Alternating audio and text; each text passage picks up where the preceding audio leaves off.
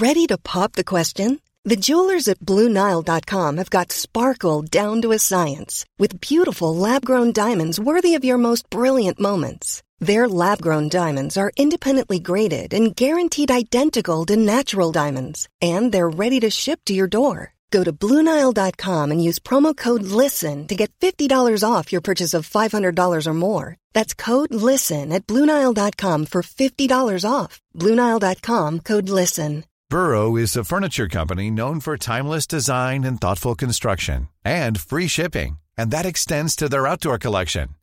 Their outdoor furniture is built to withstand the elements, featuring rust-proof stainless steel hardware, weather-ready teak, and quick-dry foam cushions. For Memorial Day, get 15% off your Burrow purchase at burrow.com slash ACAST and up to 25% off outdoor. That's up to 25% off outdoor furniture at burrow.com slash ACAST. Everyone knows therapy is great for solving problems, but getting therapy has its own problems too, like finding the right therapist, fitting into their schedule, and of course, the cost.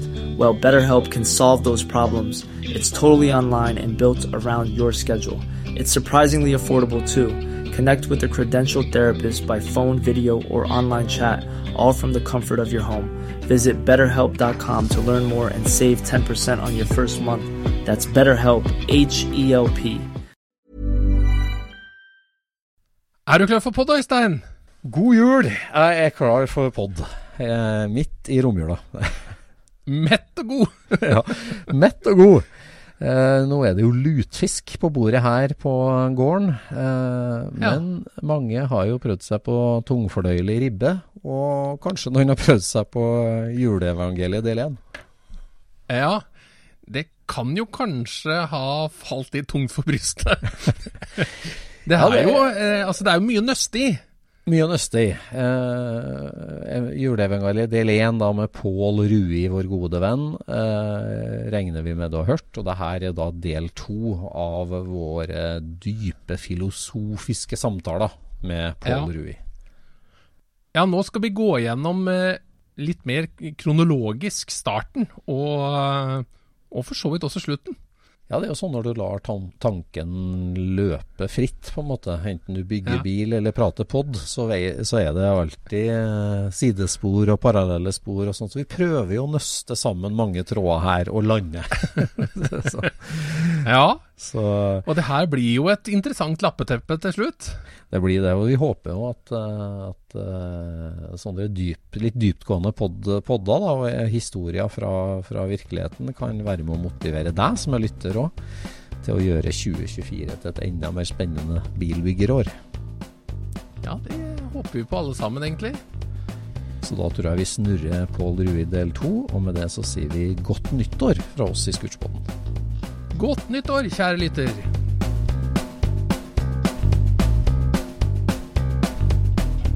Du lytter nå til Scootspodden, en norsk podkast om klassisk bil med Jon Roar og Øystein.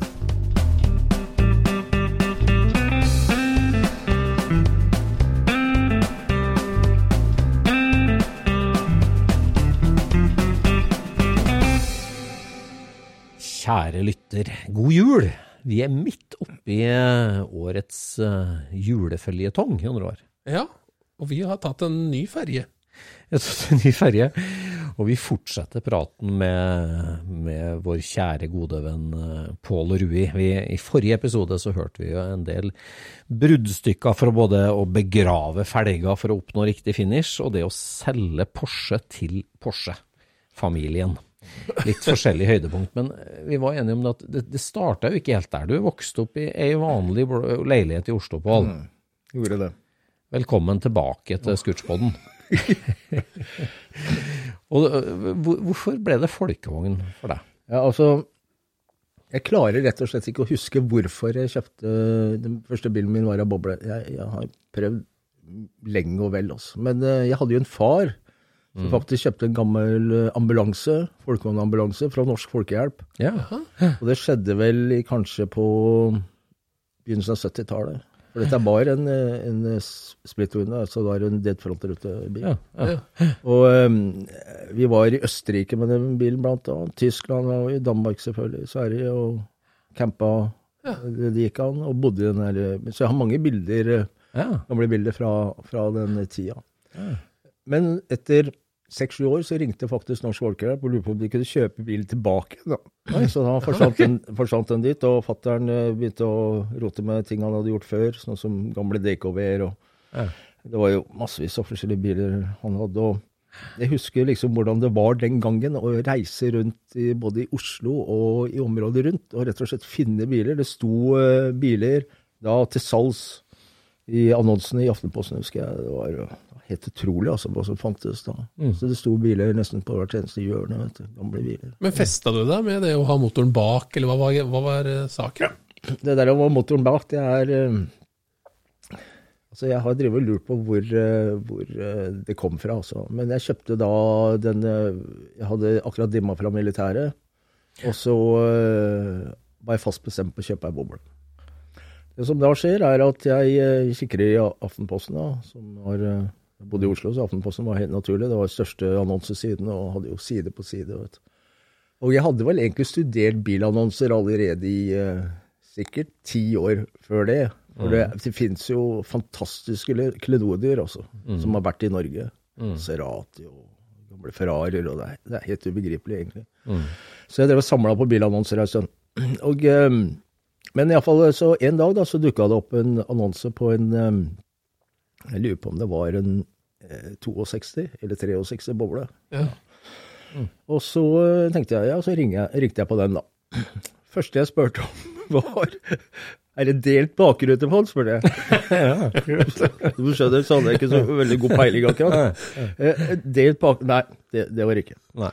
Eh, er, er, den- oval, da, kanskje? Bakrute? Nei, det var ikke det heller. Det var større. Greit, så, så la jeg det, det der fra meg, da. Og eh, så tenkte jeg det at jeg, jeg kan komme og se på den. Og dette her var da etter at jeg hadde dimma, så dette var kanskje rundt i juli, muligens. Jeg dimma i, i mai i, i um, 83.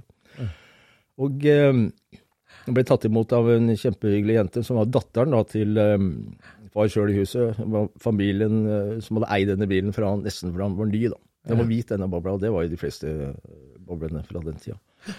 Og, eh, og de, den familien de drev et relativt stort konfeksjonsfirma. Drev og solgte kjoler og, og klær generelt. da. Og eh, de hadde hovedkvarter nede, nede ved Slottsparken i Oslo. Eh, Ned mot eh, der hvor det gamle, gamle SAS-hotellet lå. da. Så er saken det at eh, under dette bygget, som var ikke en slags skyskraper, men det var et ganske høyt hus, så var det en veldig rar garasje. Det, var en, det gikk nesten inn sånn, sånn, sånn trakt, eh, en sånn korketrekker. Spiral, ja. Spiral, ja. ja. Og Jeg husker jeg gikk ned der, vet du. Da hadde jeg ikke da, da jeg- tok eh, lappen i militæret, men jeg tok eh, lappen eh, når jeg hadde fri, liksom, fra militæret. Så det var en vanlig kjøreskole. Det var ikke gjennom Forsvarets skole. da. Eh, og da var det vel kanskje et halvt år siden, da jeg hadde kjørt noe bil i det hele tatt. Og eh, tenkte, når jeg gikk ned den der Korketrekkeren Hvordan skal jeg klare å komme opp her? Greit. Vi kom i ned i bånn, da. Og der sto jo den fantastiske bobla. Den så jo veldig pen ut. Og den hadde, hadde noen problemer, men ikke noe sånn digert. Hvit 63-modell. Hvit eh, 63 eller noe sånt. 63 eller eh, 62-63. Og eh, eh, så eh, vi satte oss inn. Jeg satte meg inn i førersetet, og hun satte seg i passasjersetet. Og eh, den bilen sto kanskje en halvmeter eller noe sånt fra veggen. Og jeg som da ikke huska hva jeg drev med akkurat da, eller huska noe av det jeg hadde lært et halvt år i Værveien Jeg starta varmotoren uten å trykke inn kløtsjen. Kjørte rett i veggen. Så da Og hun der jenta, hun var jo lettere sjokkert og bare skreik. Hadde du da betalt? Nei, altså, det løste vi veldig greit. Jeg bare sa 'jeg tar den'. Jeg tar ja. Hadde ikke prøvekjørt eller noe. men Jeg tenkte at det er det er det er rimeligste jeg- rimeligste jeg kan gjøre. Går bra på startmotoren, rett. Ja. Så det vi gjorde da, var at eh, vi gjorde opp. Hun fikk da 5500 eller hva det var for noe, helt latterlig, for en bilen. Og så, eh, og så, og så gikk hun. Og jeg vet du, jeg husker jeg gikk ut av bilen og så, så oppover på de greiene. Ja, Brukte tre timer å komme ut av den garasjen. Nei. Tre timer brukte jeg. Så det var jo rush, rush da jeg kom ut derfra.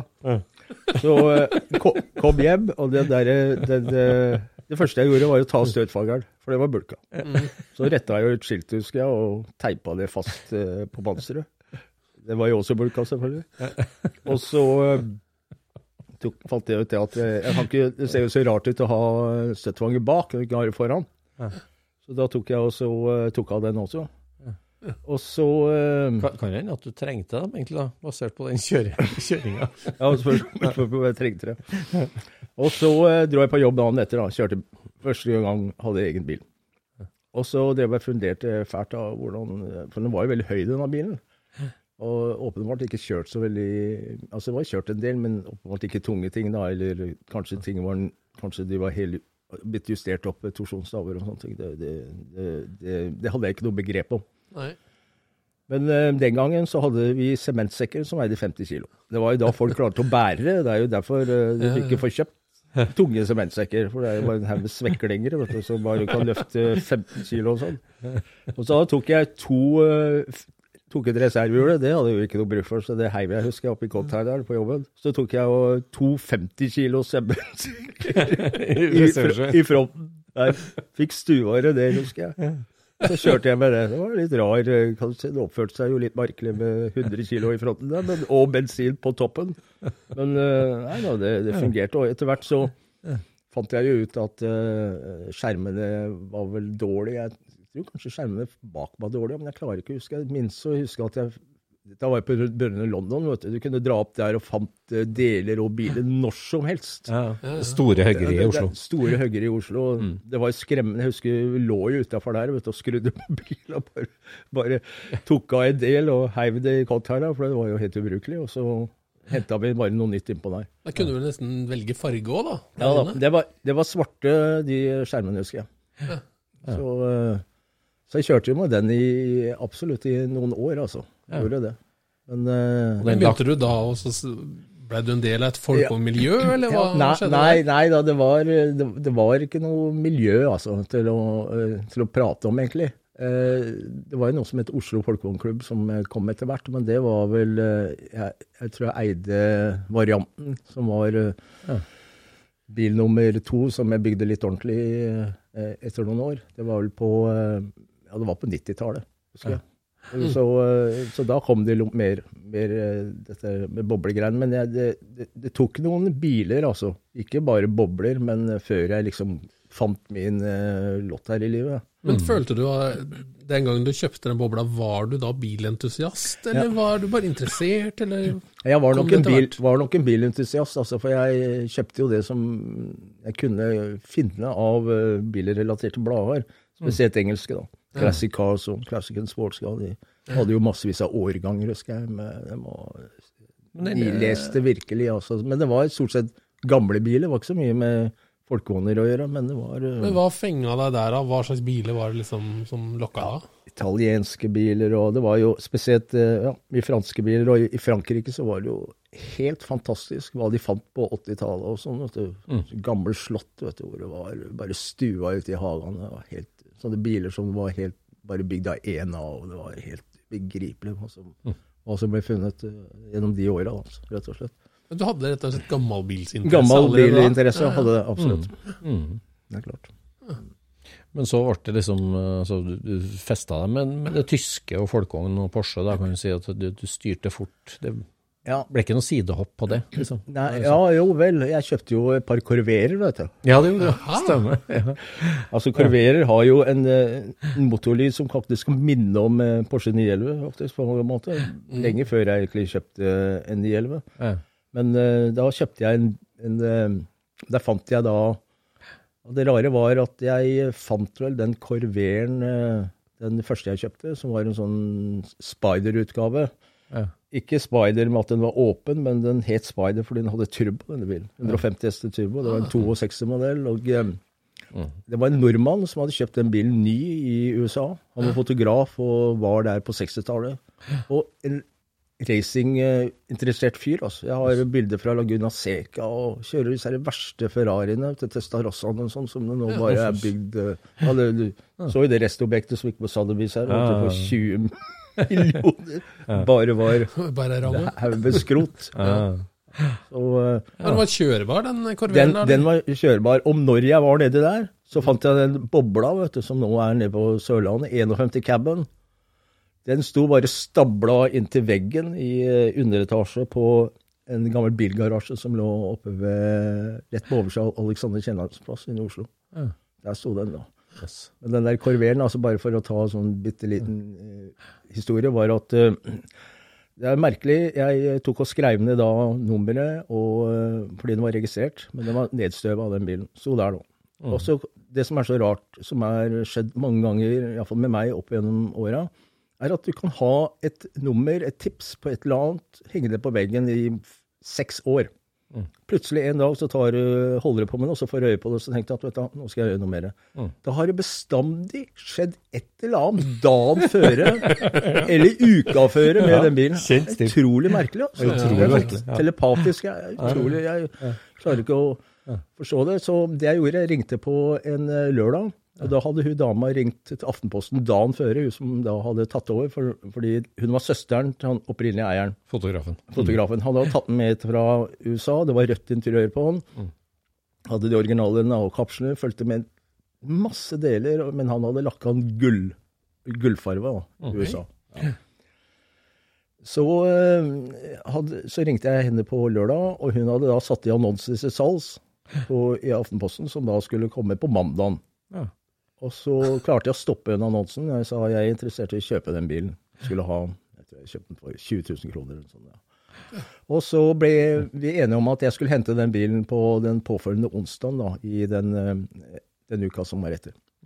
Men så hadde det seg sånn at jeg hadde funnet ut at det skulle regne noe så jævlig på onsdagen. Så jeg kunne ikke ta med den bilen som var full av støv, for eh, støv, det var, eh, det var da jeg begynte å skjønne at støv er viktig. Støv er viktig. Støv er viktig. Spesielt på noe som har stått der så lenge. Jeg er vil helst ikke vaske bilen, og støv og regn, det var, det var ikke noe bra. Ja. Ja, så flytta jeg til bilen på tirsdag, da. Og før jeg rakk å ringe hun dama, så ringte hun meg. så du kan jo begynne å lure på om alt det rare som har skjedd meg opp gjennom åra, som er ikke bare bra, er eh, takket være henne. Altså, hun forbanna både meg og bilen. Og bare Å, måtte det gå deg ille? Og det var bare helt ekstremt, altså, hva hun klarte å hive etter meg. Så eh, jeg kan, jeg kan jo tenke meg at hun tok, tok sikkert eh, disse her gamle voksdukkene sine og og tok noen gamle strikkepinner og kjørte vel i tvers gjennom disse her, bare dagla dem fast i bord, bordplata. Hvorfor var hun sint? Hun var fly forbanna, da, fordi hun ville gjerne bli foreviget i den bilen, da, men i forbindelse med noen bilder og noe greier, og de skulle vi ta da på den onsdagen. Å ja, og så henta du den da. Og så henta jeg den dagen før, da, for det skulle regne.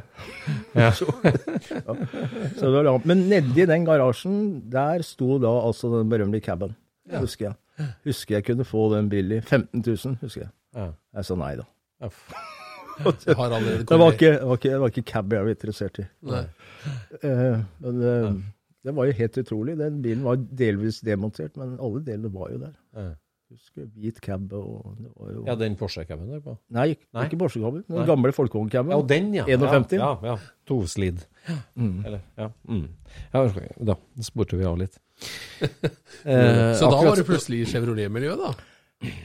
Ja, Chevrolet og Chevrolet. Jeg kjøpte faktisk enda en Corvair etter det igjen. Men det er litt nyere modell. da. Den klarte jo Gøran å ta kål på meg. For han, eh, fordi det var Den var automat i. Hadde sånn konverter, vet du.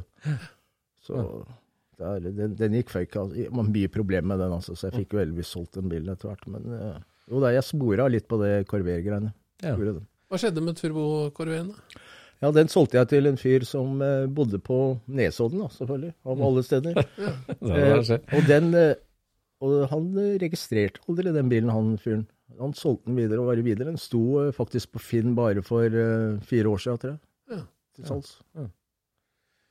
Men du eh, styrer da videre mot folkevogn, og så, og så kommer jo liksom Calluck-trenden til eh, Europa, på mange måter. Altså, Ja, den europeiske kellukktrenden. Ja, altså pastellfarger Ja. og, og, bøg, og bøglen Ja, og husker, du, husker du hva det sto i Bilsport på bøglen?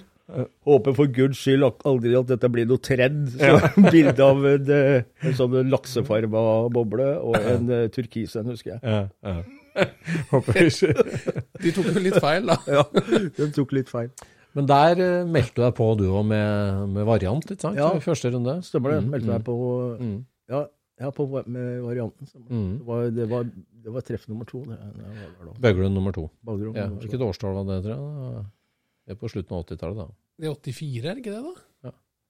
Ja, det, jeg lurer på om det er noe sånt kanskje. Ja, ja. 84-85, ja. stemmer det. For da begynner du å bygge bil ordentlig. Ja. Altså, det- for, Da begynte jeg å bygge bil ordentlig, ja. Eh, ja, ja, ja. 85 må det være, for det er uh, jubileum neste år. ja. Mm. Mm. ja. 24, ja. Så 85 Bøglen 2, da er du med, med Calluck-ifisert Ja. squareback. Men er det da hobbybil for deg, eller er det bruksbilen din? Nei, ja, det er vel en kombinasjon, tror jeg. Ja. Jeg tok jo, fikk, fikk jo tak i mørke ruter, husker jeg. Det var jo så viktig at jeg skulle ha. Det måtte jeg få fra USA. Sånn Bernardino heter firmaet Ja. jeg kjøpte den fra. Og, og eh, så dro jeg til eh, Var det ikke et, eh, et firma som solgte setetrekk eller lagde det som et HMS eller noe sånt? Var det det? Da hadde de iallfall mener de hadde tre initialer også. Og jeg tror, ja, Det er ikke TMI, altså. Nei. det, var ikke, det? det var i Norge, dette her. I Norge. I Norge, ja. Ja. De hadde da Jeg fikk eh, spore opp at de hadde noen setetrekk som var sorte, med noe rød piping på, og så en Ja. slags mønster i midten. Mm. Og så husker jeg ringte salgssjefen der oppe og så spurte om de hadde noe stoff som de ikke hadde kjøpt, som var uh, i, av, av samme type. da, så jeg kunne, For jeg tenkte å lage noen dørsider og sånn. da. Ja. Ja, da, det hadde de, så da gjorde jeg det. Kjøpte det, og så brukte jeg mutter'n sy symaskin, og så sydde jeg mitt eget interiør ut av det. Med sånne røde, som var helt i stil med hvordan setene var. da. Ja. Ja. Og, uh, jeg hadde jo hijackers på den bilen. Hadde du det? Husker du? Ja.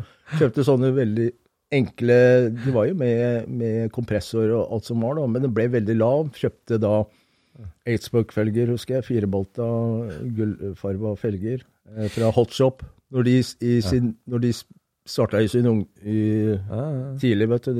De hadde jo bensinstasjon, ja, ja. Ja. under bensinstasjonen. Ja. Det var jo så trangt inne der at du kunne ikke snu deg inn der. Du måtte, du måtte gå inn bak, bakveis, eller baklengs nesten, for å komme inn der. Men da kjøpte du Hot VVS på Narvesen? Da? Da, nei, Nei? nei det, det var, ikke, var ikke mulig å oppdrive. Hot VVS. du kunne kjøpe i Sverige det, de, Svenskene vet du, de er jo ligget i altså, Norge er målboland. Det, det, er, det er ikke, altså, vi kommer ikke utenom det. Altså. Helt utafor. Men da lakka du den bilen i hvilken farge? Jeg lakka den i kasanrød, som var den originale fargen. Og den bilen var jo veldig matt da når jeg kjøpte den, så den så jo fantastisk ut. Det var eh, på en Terje Ski, jeg tror jeg kanskje, som gjorde den jobben. Men Var dette en langnese eller en kortnese? Langnese. Eller- Eller ja, ja, Jo, det var det. ja, det var en 72-modell. En variant. variant. Ja. Mm. Ja. Mm. Men det ble jo en tøff og veldig clean bil. Veldig clean bil, ja. For det jeg gjorde, jeg tok også skeiva av de der forferdelige blinklysa foran, vet du, som er jo de monstrene. Det er eh, Mm. hva, hva folk kan tenkte på å lage noe sånt. Det er umulig å skjønne. USA-regler. Ja. Så det jeg gjorde, jeg kjøpte golflys, husker jeg, og så felte jeg dem inn. Det er det, akkurat som det var på, på um, Jeg tror det var golflamper, men jeg Ja, du hadde de i fangeren, ikke sant? hadde de fangeren. fangerne. Ja, sånn, ja. Mm. Og så husker jeg jeg var på London, Brønnøy London, da. Så hadde jeg fått jeg noen amerikanske baklysglass, vet du. Det var jo holy grail, vet du. Ja. ja, ja. Men de var jo bare fragmenter. Så jeg klarte å, klarte å lime dem sammen, husker jeg. Og så brukte jeg noe svart teip som jeg bare pinstripa på en måte over skjøtene. Ja. ja. Ja, det var, jo, det, det var toppen, altså. Men det ble jo en populær bil, det der. Ja, det ble, det ble en veldig bra, populær bil. Og jeg husker jeg kjørte nedover um, eh, gamle Theresegaten inne i Oslo. Eh, kom fra toppen, da, fra Ullevål sykehus. Den, den er ganske lang, den veien. Det er trikkeskinnene går ned der. Så kommer du ned, langt nedi der, så kommer du forbi Er det Frydenlunds bryggeri som ligger der nede? eller? Ja. Der er et veidele, nemlig. Ja. Der går trikkeskinnene rett fram, akkurat ved Frydenlund der. Og så går de til høyre mot Parkveien, da. Der klarte jeg å sette meg fast, da, i rushen.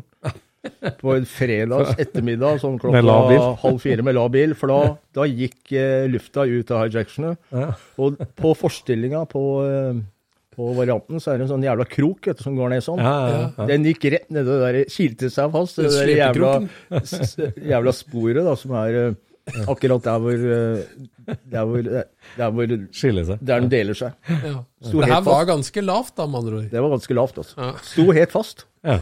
Må ta hjelp fra bergningsbil og det, det, det styret. Da var du imponert, tenker jeg. Ja, da, var, da, da begynte jeg å tenke litt fast. Altså. Og så ble du av de første i Europa som bygde liksom Calluc-tema på en type 2. Ja. Jeg, jeg ble vel faktisk litt inspirert fra, fra USA da. Og, ja. jeg, det der. Men akkurat husker ikke det. Vet du, jeg satte på den plata i, mellom jula der. vet du. Ja, du laga noe kanalskjørt, på en måte? Kanalskjørt, ja. Ja. De, de klarer ikke å huske om jeg hadde sett det eller noe sånt, men jeg, jeg, lagde, jeg lagde det. Gamle. Et av mine ti første bilsportblader, der eh, sitter du på planen Ja, på den der her sånn spiser et eple. Ja, stemmer det. Husker det der.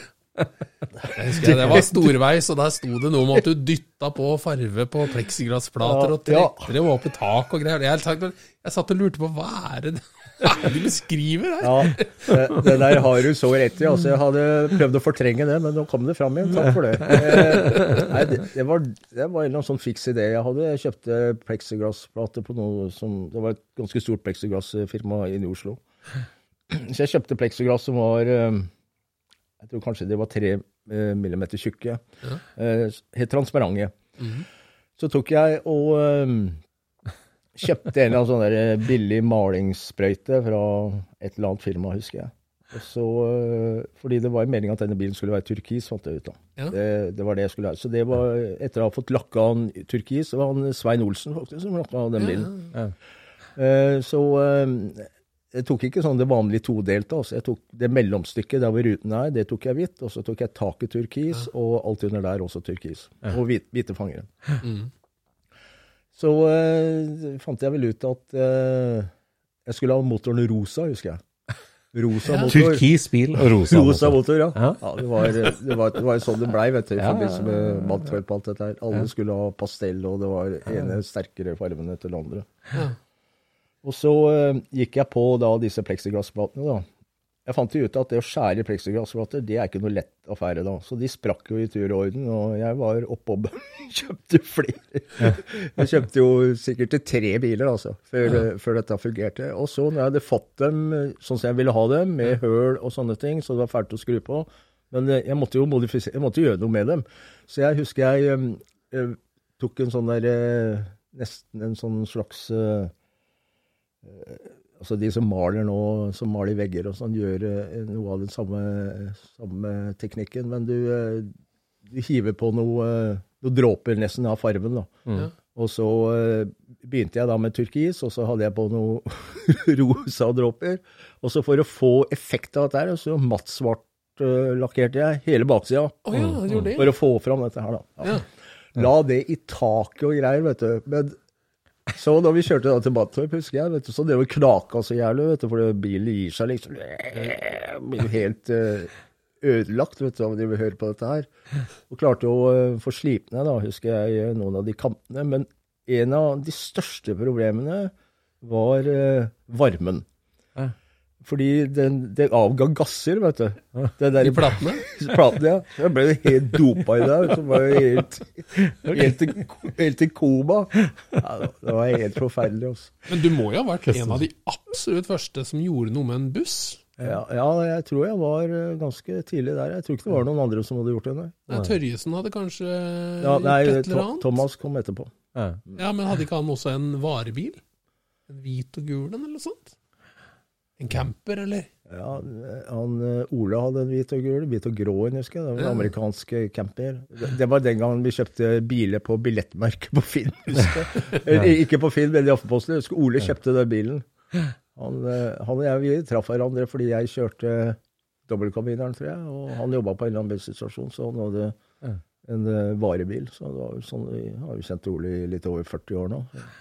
Der, eh, Så da liksom på slutten av 80-tallet, inn i 90-tallet, da begynner Oslo VV-klubb å dukke opp, og du, du blir med der. Ja. Og, og hele den norske bevegelser og svenske bevegelser ruller virkelig på. Det, Stemmer det. Vi, altså jeg husker jo det at eh, når jeg holdt på med dobbeltkabineren til Ødebar, eller kanskje jeg hadde solgt dobbeltkabineren da, men eh, da fikk jeg øye på ei boble, husker jeg, som kjørte oppover Finnmarksgata inne i Oslo. mm. Og jeg vet du, hiver fra meg verktøyet og bare beiner løper ut midt i veien og for å få stoppa han fyren. Det var Gøran Larsen. Var det det? Han kjørte ei boble da, husker jeg.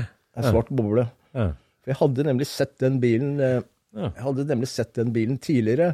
Fordi jeg eh, jo- jobba i anleggsbransjen, så vi var jo på byggeplasser rundt omkring i, i hele Oslo. Mm. Og, eh, nede på Tøyen husker jeg hadde sett den bilen, så tenkte jeg at det var eneste måten å få stoppa den på. Men var den modifisert på noe vis, eller? Ja, eh, han hadde vel satt noe på noen felger, tror jeg Gjøran Gøran hadde gjort. Noen blanke felger. Ja. Så du så at det var en entusiastbil Ja, ja, ja på et vis? Ja, da, absolutt. Han var, i, var på vei, i hvert fall. Ja. Ja. Han var på vei. Og sammen så starta dere Oslo EV-klubben? Jeg husker ikke hvordan det var. Gøran var vel kanskje den som, eh, som hadde på husker ikke hvordan om Gøran var starta, men jeg ble, Gøran var jo formann, og jeg ble nestformann etter hvert. Og eh, Mm. vi hadde jo eh, vi hadde jo eh, stadig noen møter. Da. Jeg husker ikke om det var på tirsdager eller torsdager eller noe sånt. Men ja, det var Men det ble i hvert fall en veldig stor klubb etter hvert. Det ble veldig, veldig stor klubb, ja. Vi hadde jo Mm. Vi hadde jo Vi var jo Jeg vet ikke om vi var på Valle Hovin fra starten av, for vi hadde noe greier på um, Frogner. Frogner stadion, ja. Husker jeg. Stemmer det. Det har det jo vært. Frogner stadion, ja. At- Mhm. Og da rulla det på veldig både i, i Sverige og i Norge på, på folkevognklubber. Det, det poppa opp Tønsberg og, og Men det var, var utrolig å tenke på hva som var å finne den gangen. mm. Husker jeg, tror jeg, jeg, tror jeg fant en, eh, en eh, Ikke en Samba-buss, men en vanlig buss, husker jeg, nedi eh, litt eh, nord for Drammen, på, inni et eh, bygnings, byggefelt. Jeg husker jeg tipsa Gøran, så vi dro ned sammen. Han kjøpte den. og så eh, det var så mye lettere vet du, å finne biler. Det var biler overalt. Mm. Ja, men altså, du gikk jo der og fremst i skoa på med at du gikk ganske systematisk til verks og begynte å oppsøke gamle norske folkevognverksted. Hele sørlandskysten plyndra for det. Stemmer det. Jeg Bare si at vi, altså, der begynte jeg først på egen hånd, og så fikk jeg med Ole etter hvert. Mm. Fikk jeg med Ole etter hvert. Og det som, eh, det som eh, vi fant ut, det som var storfavoritten, det var å finne gamle forhandlere som var i to etasjer. Ja. Fordi eh, alle delene lå stort sett på loftet. Mm. Ja. Og en grunn til at de lå der oppe, var at det ikke var noe plass nede. Ingen ville gå og bære ned, for det betydde at de måtte flytte på ting, og det var bare altfor mye jobb. Ja. Så vi pleide bare å tømme hele da loftet, Mm. i første etasje, og sa hva skal dere ha? Det Veldig enkelt eh, forhandlingsgrunnlag. Og eh, vi var jo på flere steder, vet du. Vi fant, det var ett sted hvor vi fant uh, tre eller fire NOS Notchback bakluker, husker jeg, til Notchback. Mm. Det var ikke noe marked, du. Så jo ikke en sånn bil i det hele tatt. Nei, jeg trengte det. Ja, så jeg tror vi, jeg tror vi heiv dem. Ja, Dro på lo- loddet og bare kasta dem. Ja. Men det ble jo mye fine deler av det, Ja, eh, og det- fint dellager. Ja, det, det, det, Men det ble det. Men så eh, husker jeg liksom det, altså den interessen for Kelluk, og du begynner å lese deg opp på si, amerikansk historie på det, da, med, med MP og produsenter der og alt sånt. Og, og, og tar den sporten med å lete opp forhandlere og til utlandet. Du, var du fant jo virkelig en uh, honeyhole, skal du si, på Ja, jeg må si det. Jeg klarte ikke det helt på egen hånd. altså. Jeg fikk hjelp av en god svenske med det. Etter mm. mye overbevisning så klarte han å fortelle meg hvor det var hen. Og det var, eh, det var eh, selve hovedforhandleren for Sør-Europa. Han var nede i Wien, Wien i Østerrike. på MP-deler. På MP og ja, Speedwell-deler også. Ja, ja. Ja, for, så, så To legendariske folkevogn... Ja, altså Speedwell fra England da, og, og MP fra USA, som lagde ordentlig bra deler på 60- og 70-tallet. Gjorde det virkelig. Som du sier, grossist for Europa Ja i Wien i Østerrike. Og da reiser dere dit, da, Ja, fra Norge? jeg, jeg, jeg, jeg dro ned dit. Ja. Og jeg bar der kanskje en eh, tre-fire ganger. ja. Og uh, han, var, han var veldig uh, Veldig interessant fyr, han som hadde det. Han uh, hadde da Det var han som opprinnelig starta da eh, den filialen som har endt opp og ble hovedforhandleren for Sør-Europa. Og eh, Han printa jo sine egne klistremerker, til og med, som, eh, minner, som er nesten helt identisk til, eh, til um, MP sine. Men det sto eh, da eh, navnet hans i, i merket istedenfor eh, MPs eh, den dealeren de hadde. da. Og eh, det som var mest imponerende, var at han hadde jo tydeligvis veldig bra økonomi. Mm. kom fra en eh, ganske velbeslått familie. Så han eide en bygård da, i Wien. Og det var en femetasjes pluss loft og kjeller, med, hvor det var, hadde vært leiligheter. Men alt der var ettermarkedsdeler til alle biler du kan tenke deg. Og det var forpakninger vet du, fra 50-tallet, 60-tallet, 70-tallet. Helt utrolig. altså, helt nos. Og der, vet du, det var helt umulig å vite hva i verden du skulle kjøpe for noe. Ja. Jeg husker jeg fant jo opptil flere kit, eh, fordi eh, MP ganske tidlig lagde jo eh, manifold-kit, da, hvor du kjøpte da dine egne forgassere, eller, fra, du, eller du kjøpte dem fra MP, og så kunne du da bruke deres produkter, manifolder og sånne ting, som det sto MP på, prega inn i støpen. Ja. Og det var jo nos, altså. Ja. Helt utrolig. Jeg kjøpte jo ja, Du Så så, vel kanskje husker, ja, Du også burde også huske noe av det. Oljepumper, blant annet. Ja, ja, jeg kjøpte og filter og det var helt utrolig. Kjøpte hva- Compensator. da. Ja. Var det firmaet i drift når du var der, eller? Nei, det var, det var ikke i drift. Nei.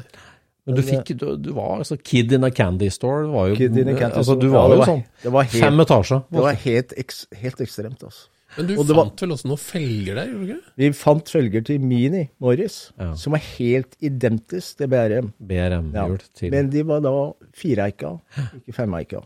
Og det som skjedde, var at uh, da kjente jeg jo uh, Mike, som var journalist for uh, var, hva var det?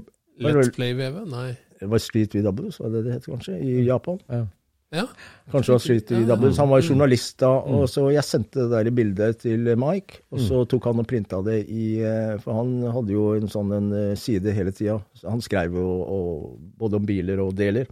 Og det som skjedde da, var at uh, Takashi Komori, var ikke han het, som var sjefen for Flat Four da, men jeg vet ikke om han lever ennå, jeg, Komori. Han så det bildet der, han ble jo helt fanatisk, vet du. Og Mike ringte til meg, husker jeg, og sa det er helt sjukt det som skjer her borte nå. Nå skulle du vært her. Men eh, da eh, tok han kontakt med meg da, og eh, lurte på hvor er de felga hen, og så sa jeg det at foreløpig jeg tror jeg kanskje hadde solgt de felga da, ja, til en eller annen eh, Morris-fyr i jeg, jeg skjønte jo at det var spesielt, altså. De var nos. Og eh, jeg hadde, hadde bare sett sånne felger på bildet. Og eh, han fyren som eh, kjøpte dem da, han eier dem fortsatt ennå. Jeg tror ikke han har satt dem bilen ennå. Og. Det er nesten det eneste han også har sett. Altså, det er nesten umulig. Men. Komori begynte jo å lage sånn, han. Komori tok det bildet og lagde da en felg ut av det lille bildet. Ja, han Og han lagde da felge for firebolta. Mm. Ja.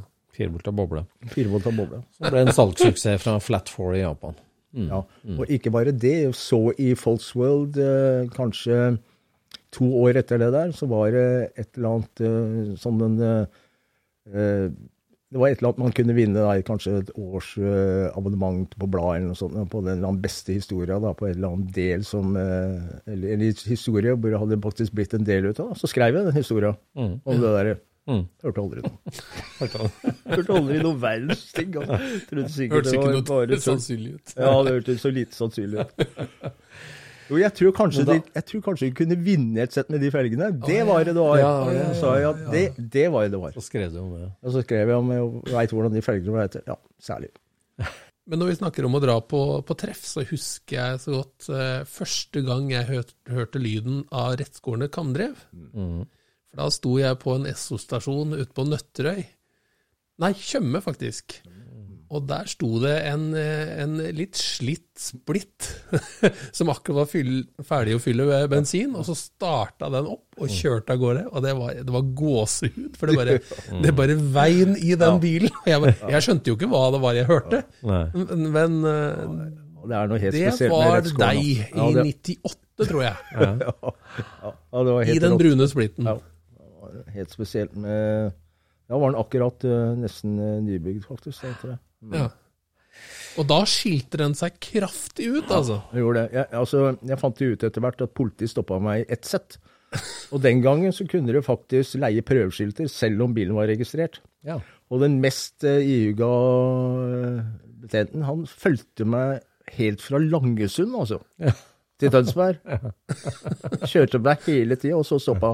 Ja, ja, ja. Jeg ser det her, gøy, gutter. Eh, Jeg skulle ha vognkort, ja. Vognkort? Ikke noe vognkort. Prøveskilter. eh. Var ikke, det er ikke skilter på det. og det, var, det var før uh, data og internettens tid. Ellers hadde du funnet ut med en gang vet at eh, bilen var faktisk registrert. Men uh, stadig så stoppa politiet meg i Oslo, bl.a. pga. lydnivå, for det er jo ganske høyt. Det var ganske grov lyd i den. Og jeg kjørte jo alltid med 48 uten filter, vet du. Det var jo en fantastisk lyd. Altså, fantastisk Fantastisk. Og vi sitter jo her i garasjen din ved siden av den motoren, det gjør vi. Som er ute for service. Ikke akkurat uh, den samme motoren, men den, nå er den bygd i uh, ordentlig, sånn sand uh, type True California look style, kan du si. To liter og Ja, for Fumio for Kaja som har uh, fum, porta toppene. Fumio kaia, porta toppene. en, en legendarisk topporter ja. i uh, California. Ja, han er legendarisk, og det er jo helt eh, De, de toppene er nesten for vakre altså, til å ha en motor. De skulle bare vært på hylla. Og funker gjør de òg. Funker gjør de også, ja. Ikke kjørt så mye, men uh, vi får se, da. Når vi går til uh, sommeren, om jeg klarer å få liv i motoren. Hva var egentlig oppskriften på den splitten? Nei, altså, du tenker på alt, eller, eller bare motormessig? Altså, jeg, du du vet jo, jeg begynte å bygge den, vet du, så hadde jeg som mål å måtte gjøre, begynne å gå noen nye veier. Ja. Vi hørte, jeg- vi hørte historien om motivasjon til en litt i forrige episode, når, du, når du fant eh, de to norske BRM-hjula, kompletterte opp det settet, rhododendron jord, der du utvikla fem flotte felger. Og så begynner historien å surre. Hvordan hadde en Calluker sett ut om han hadde blitt parkert i en garasje og stått? Og så, så drar du ut og jakter og finner den bilen for å bygge det bildet du har i hodet, rett og slett. Altså, den, eh, den bilen den eh, fikk jeg eh, tips om gjennom Morten Brattås, da. Eminente Morten. Og jeg tror han og jeg hadde en slags deal på Fordi den gang så eide jeg en eh, 54 Barndor Samba. Morten var veldig interessert i, husker jeg, i den bilen. Så jeg bare sa til ham at får du tak i en splitt til meg, så får du den, den Mm. bussen. Og så var det en eller annen bil da, som hadde blitt bygd opp av en familie, tror jeg, som besto av to sønner og en far. Berg-familien i Larvik. Ja, det vet du hvem det var, ja. Ja. ja. Jeg, eh, jeg kom jo selvfølgelig i skade da, da, som jeg har gjort seinere, med å, med å snakke altfor høyt. Og, eh, for det var noen som spurte da hva jeg gjorde for noe når jeg fikk den bilen. da. Det- Dette var jo flere år seinere. Men den bilen var jo ganske bra stand. Den var jo flott, blank lakk. Og, Ja, for den var restaurert, den var den, nyrestaurert. den var nyrestaurert, ja. Mm. Uff da. Ja, jeg husker jeg reiv ut det der interiøret, vet du, den jobben å få det ut, så jeg tok bare eh, en saks, husker jeg, og så bare klepte ut ikke alt som var. Og mens jeg står og forklarer dette her, så, så er det sønnen til en av disse sønnene som var med på å restaurere bilen. da. Ja, det der, ja, ja det var eh, Det var nærmest eh, Hva var det ordet han brukte? Ja, kommer ikke på det sånn i farta, men eh, det var iallfall vært en sånn labor of love, nærmest, også det, i den familien å restaurere Ja. bil, og mora hadde sydd i da. Ok, ja. Ja, ja, jo, jo, ja vel. Men eh, Så hadde du behandla det som råstoff? Ja, jeg hadde behandla som råstoff. Ja. Eh, For du hadde bildet klart i hodet, du. hadde klart i hodet. ja. Hvordan det her skulle se ut. Alt skulle ut, og det skulle være sånn, nærmest sånn diamond stitching. Og det billigste du kunne gjøre da, var å kjøpe dette greiene fra, fra Sverige. Det var i Sverige dette kom fra. Eh, men eh, så var det stoler da, og sånne ting. Og jeg hadde vel egentlig bestemt meg å eh, ha et bur i den bilen. Så Mm. jeg tok det buret da som jeg hadde i den eh, gamle røde Calicaren min. Det ble bygd av en eh, gammel rallyfyr som het eh, Hva het han igjen, da? Han kjørte NSU-er. Ja. Veldig kjent fyr. eh, Holdt til uh, rett før Lier, når de kjørte ut av Oslo. mot Lier. Hadde massevis av NSU-er og alle verdens andre biler stabla rundt på hele tomta der. Eh, jeg eh, klarer ikke å huske hva han heter, men jeg tror, jeg, jeg tror det er navnet hans står skrevet på buret, faktisk. Han bygde fantastisk eh, bra bur. Og eh, så jeg bare Det kunne ta ut av ett stykke, et stykke av da bobla, så jeg putta da den inn i splitten og fikk Ole til å sveise nye fester til det. Og før det kom så langt, da, så drev jeg og grubla på hva jeg kunne gjøre for noe inni den bilen for å få den litt sånn raceinspirert, og samtidig gjøre noe som ingen hadde gjort før. Ja. Så jeg tok også begynte å blankslipe eh, tunnelen, da. Helt ned på stålet, husker jeg. Ja. Rammetunnelen bobla, Ram- altså, bobla ramma går jo gjennom hele bilen. Går gjennom hele bilen. Og er jo en uh, ryggrad, bokstavelig talt. Du, du fant ut du skulle polere den, du. Skulle polere den, ja. Og så uh, I stål. i, i Hardsdale. Og så tok jeg uh, Og så tenkte jeg at det var litt kult å kanskje ta med bakskjermen også. Innvendig Altså den innvendige delen av Å ja, ja, ja, da. hjulhusa bak. Hjulhusa bak, ja. Innvendig. Det er godt å ha deg her, Jon Ja, som klarer å komme med de riktige ordene. Ja, ja, ja, du blir gammel som meg, og det er vel kanskje 20 år til du blir så gammel, så kommer du også til å ha problemer, altså. Ja, ja. Og så glemme hva du prater om og sånn. Syns det går bra. Syns det går bra. vanlige problemer. Og, eh, så det var litt av en jobb å få av den lakken, da, den også, og så klarte å prøve å polere det blankt. Det var jo for hånd, vet du. Det var en nitidig jobb. Men eh, så eh, kjøpte jeg noe sånt superdyr eh, lakk, tokomponent, da. En form for epoxy. Hadde på det. Gikk tre dager, og så begynte det å rusle. Ja. Greit, det fungerer ikke, altså. Så var jeg gjennom kanskje to eller tre andre lakktyper da, fra Spraybox. Fungerte. Vet du hva som funka? Biltema. Billigste lakken jeg hadde. Den har holdt ennå etter alle disse åra. Nei. Den holder tett. Ennå ikke rusta. Klarlakk, bare. Klarlakk, altså. Klarlakk, ja. Blankt stål med klarlakk Ja, bak. stål, det, ja. Yes. Og så var, det, så var det å finne på noe med, med instrumentene. Jeg hadde jo aldri vært glad i å se sånne enorme uh, turtellere, vet du. Det var så svært som uh, det som hele huet ditt, vet du, som bare stakk opp i synsfeltet ditt. Det måtte være noe som var litt cleant, litt uh, skjult, liksom, på en måte. Ja, for at du, du bygde jo ikke bare for luks. Det var jo mekanikk og teknikk som Det- det- backa òg. Det, det, var var jo fullbygd girkasse, chassis og ja. motor. Så du skulle ha turteller, og du skulle kjøre fort òg. Skulle kjøre fort også, ja. Men mm. det å ha en turteller fra bygge noe som så gammelt ut, og ha en ny turteller, det ble jo helt feil. Så det jeg gjorde da, da gikk jeg til eh, Norsk Speedometer-service, som var eh, et fantastisk firma, som fantes, mm. ja, som var med gamlefar sjøl. Han lever ennå, men han solgte jo butikken, dessverre. Og så sa jeg til han at jeg vil at du skal bygge den gamle klokka her om til en turteller. Og jeg vil at, eh, jeg vil at den nåla, den skal begynne på, eh, på to. Ja. På 2000. Ja. For det som er, det er nærmest omgangshastighet sånn omtrentlig. Og så gjorde han det. Ja, originalklokka. i Originalklokka, ja. Ja. I Spriten. Jeg bare for- pyt, pytta inn et uh, tur til. Ryan Reynolds here from Mint Mobile. With the price of just about everything going up during inflation, we thought we'd bring our prices down. So to help us, we brought in a reverse auctioneer, which is apparently a thing. Mint Mobile unlimited premium wireless. Ready to get 30, 30, bit to get 30, bit to get 20, 20, 20, bit to get 20, 20, bit to get 15, 15, 15, 15 just 15 bucks a month. So, Give it a try at mintmobile.com slash switch. $45 upfront for three months plus taxes and fees. Promo for new customers for limited time. Unlimited more than 40 gigabytes per month. Slows. Full terms at mintmobile.com. Burrow's furniture is built for the way you live. From ensuring easy assembly and disassembly to honoring highly requested new colors for their award-winning seating, they always have their customers in mind. Their modular seating is made out of durable materials to last and grow with you. And with Burrow, you always get fast, free shipping. Get up to 60% off during Burrow's Memorial Day sale at burrow.com slash ACAST. That's burrow.com slash ACAST. burrow.com slash ACAST. Spilleverken. For dem som ikke er så inne på folkevogn, altså ei boble med delt bakrute, den har jo et veldig karakteristisk dashbord med hanskerom ytterst på, til både fører og passasjer, og to bakkelittpanel eh, midt i dashbordet, med speedometeret til venstre og klokka til høyre. To brune, flotte 100 mm instrument. Så du bygde om klokka til turteller, Bygde om klokka og speedometer la ikke på noen kilometer der? eller? Ja, der la på det speedometer. Jeg ganga det med to. Ja, det ganga med to. du ganga jeg kjører i 50, så kjører jeg 100. Ja. du fikk bygd om urverka, rett og slett, urverket, ja. og, og monterte det i Ja, splitten. det er flere som har kopiert den delen. Akkurat som det å polere tunnelen polere tunnelen og sånn. Det er jo også flere som har kopiert, altså, dessverre, opp gjennom åra. Men eh, de, har, de har spurt meg. Det har jo vært eh, hyggelig, da. De har spurt først, så ja, Som jeg har sagt, jeg kan vel ikke si det.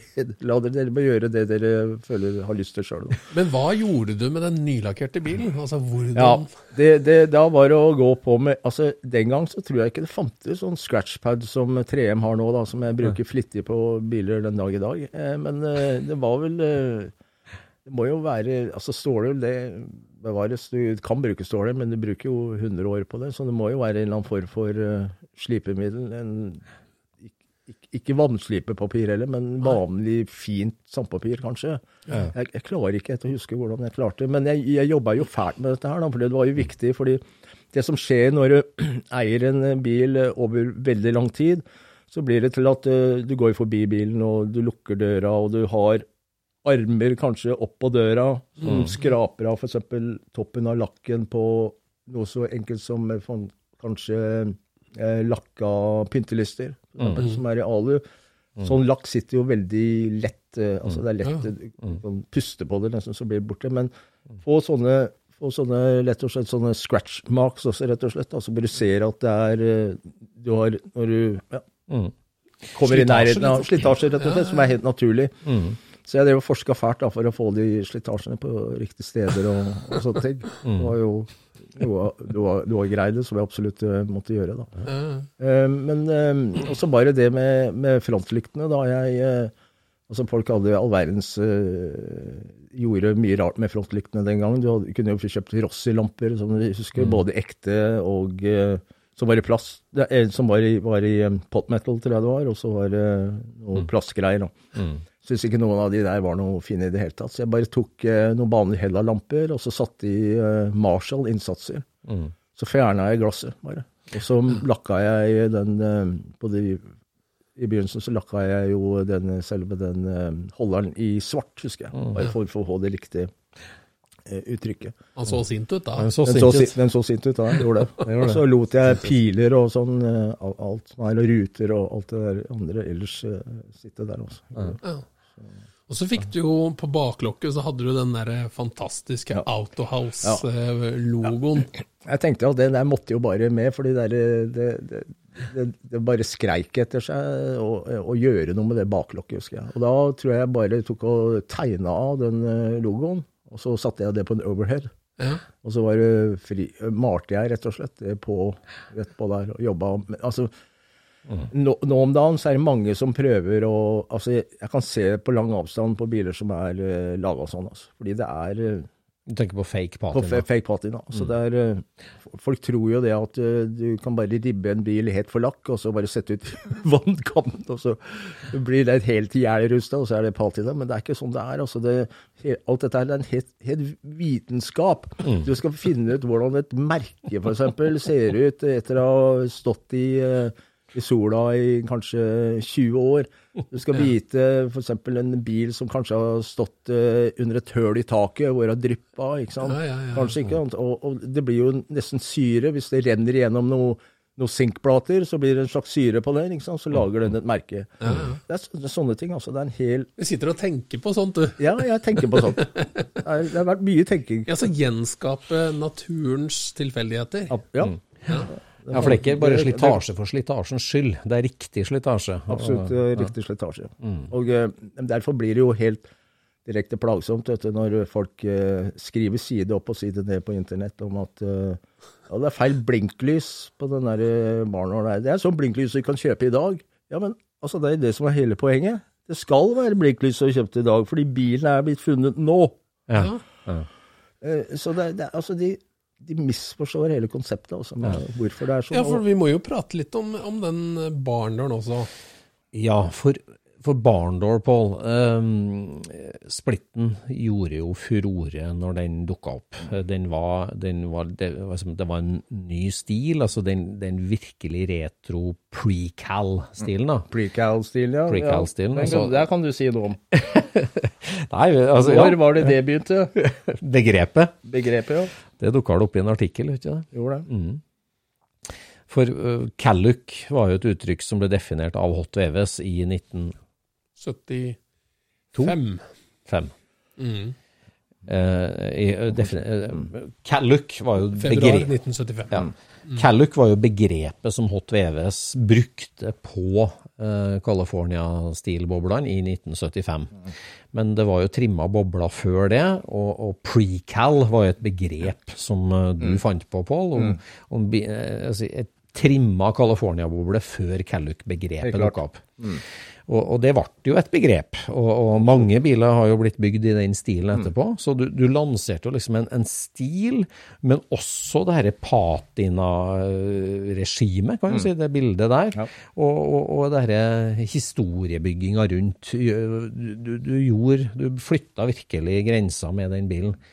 Og så tok du med deg mye av de ideene inn i en ny idé som var en ideen om å ta den mest sjeldne folkevognbussen, altså en barndoor, en veldig tidlig folkevognbuss, og bygge den som en sånn race support-bil, eh, med, med patina og liksom historie til et helt, enda et nytt nivå etter, etter Calluckeren. Og, altså, du snakka her om hvordan du får ideen til et, til et prosjekt. og sånn. Hva var den lille ideen som starta det barndoor-prosjektet? Altså, Jeg har drevet og prøvd å huske dette her, fordi det har vært så mye ideer opp gjennom årene. Men eh, det kan være både den morsomme ideen å prøve å få eh, papir da, til å se gammelt ut, som er f.eks. å uh, line opp med massevis av gamle poster inni, inni der. Og jeg har jo noen utrolig morsomme historier rundt akkurat det. Og, men, men også å, å bygge da f.eks. Uh, lage noe ut av aluminium som eh, det berømmelige baklokket ble, da, og putte inn noe Porsche-inspirert der. Og jeg, jeg bygde jo den bilen med A-bremser, vet du. Porsche A-bremser var på den bilen.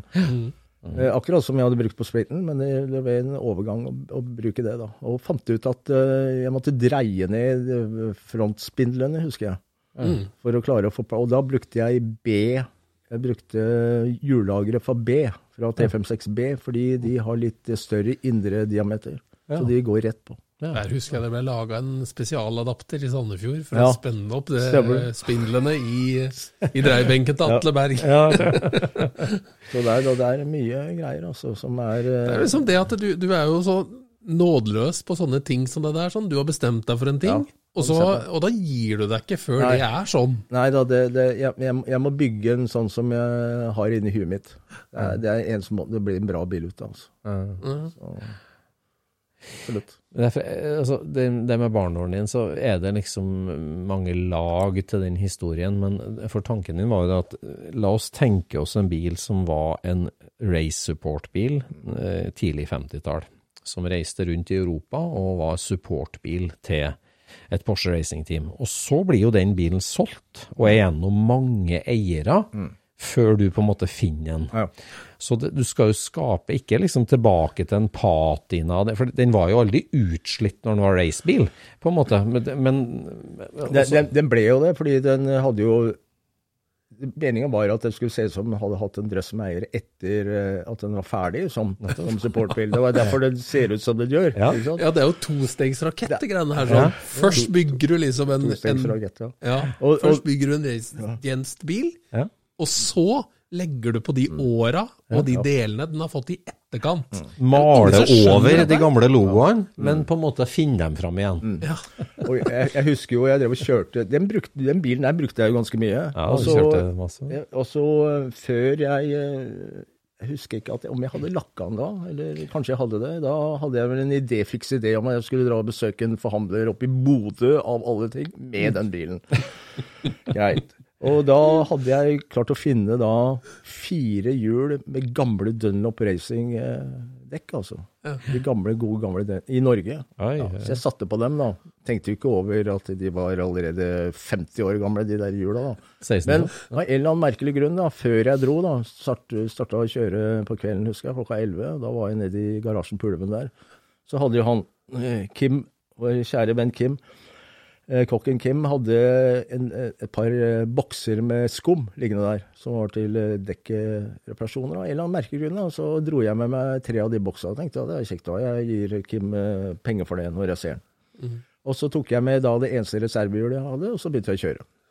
Så kom jeg da oppe på eh, Jeg kom jo altså, jeg kom jo kanskje 15 mil fra Oslo, så gikk det ene hjulet.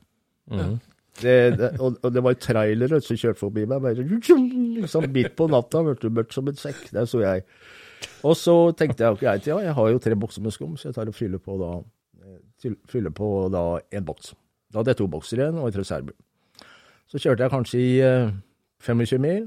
Dekk nummer to gikk det. Ny boks. Ny boks. Da hadde jeg én boks igjen. Og så kjørte jeg, kom jeg ganske langt. Altså jeg kom skjære jeg kjørte jo forbi Dombås og kom jo opp på eh, Jeg kjørte forbi Trondheim til og med. Jeg var på vei oppover. Og et stykke oppi eh, hva, er- det, ne- hva er det første du kommer til etter, etter eh, Trondheim? Stjørdal. Stjørdal. Der.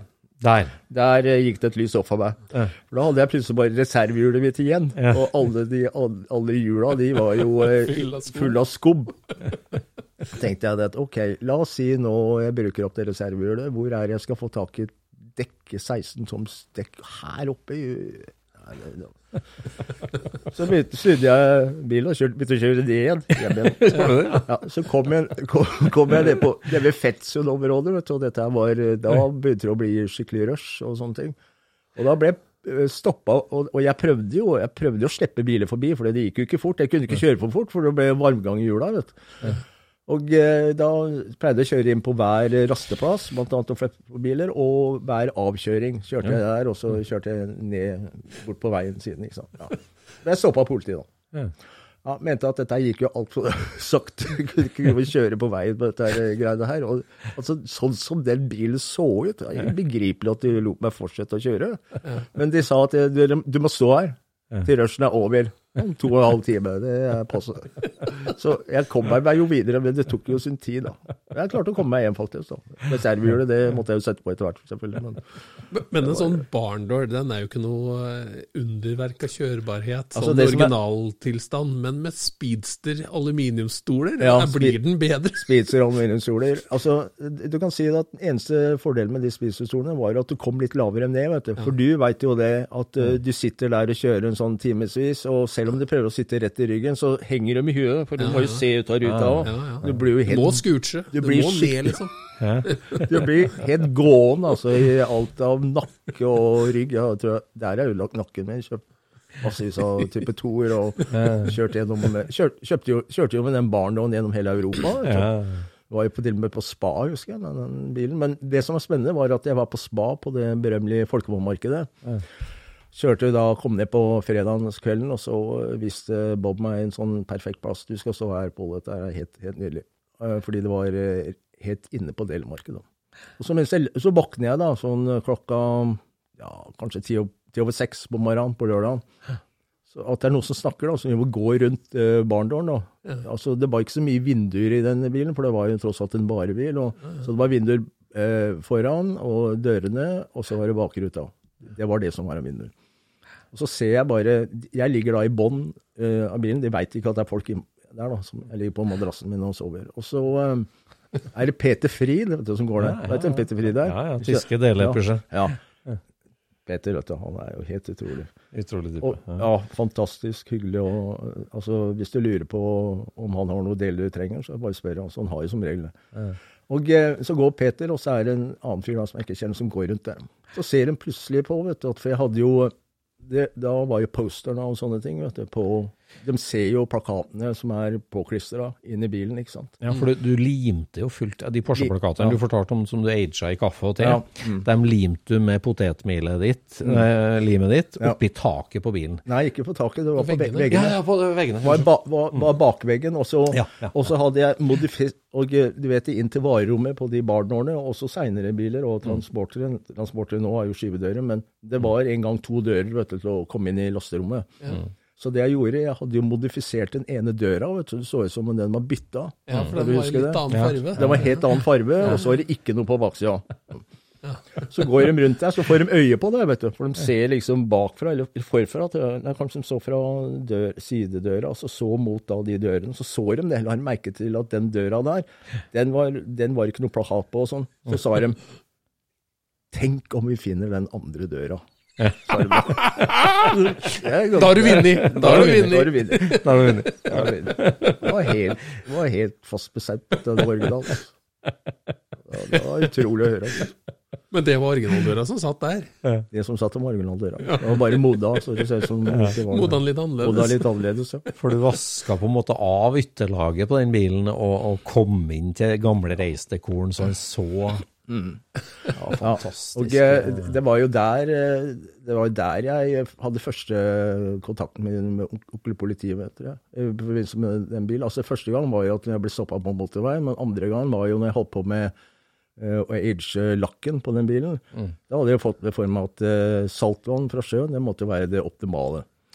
Så da husker jeg det at jeg tok den der råtne golfen jeg hadde da, og så tok jeg med ei bøtte med vann, og så kjørte jeg ned til eh, kaia i Oslo, som var akkurat rett utafor gamle Østbanen der. Der hvor eh, havnelageret ligger. Flere steder der så kan du gå ned til vannkanten, vet du, fordi det er en sånn trapp. sagt type moringsplasser vet, for båter og andre mennesker. Så kom jeg der da med bøtta mi, da, og det som er spesielt med den bøtta, den hadde jeg da hatt kanskje i 10-15 år. Den har vært brukt av alt mulig. Det var olje, blymønje, som var eh, noe av det beste middelet som fantes, men som dessverre ikke fins lenger.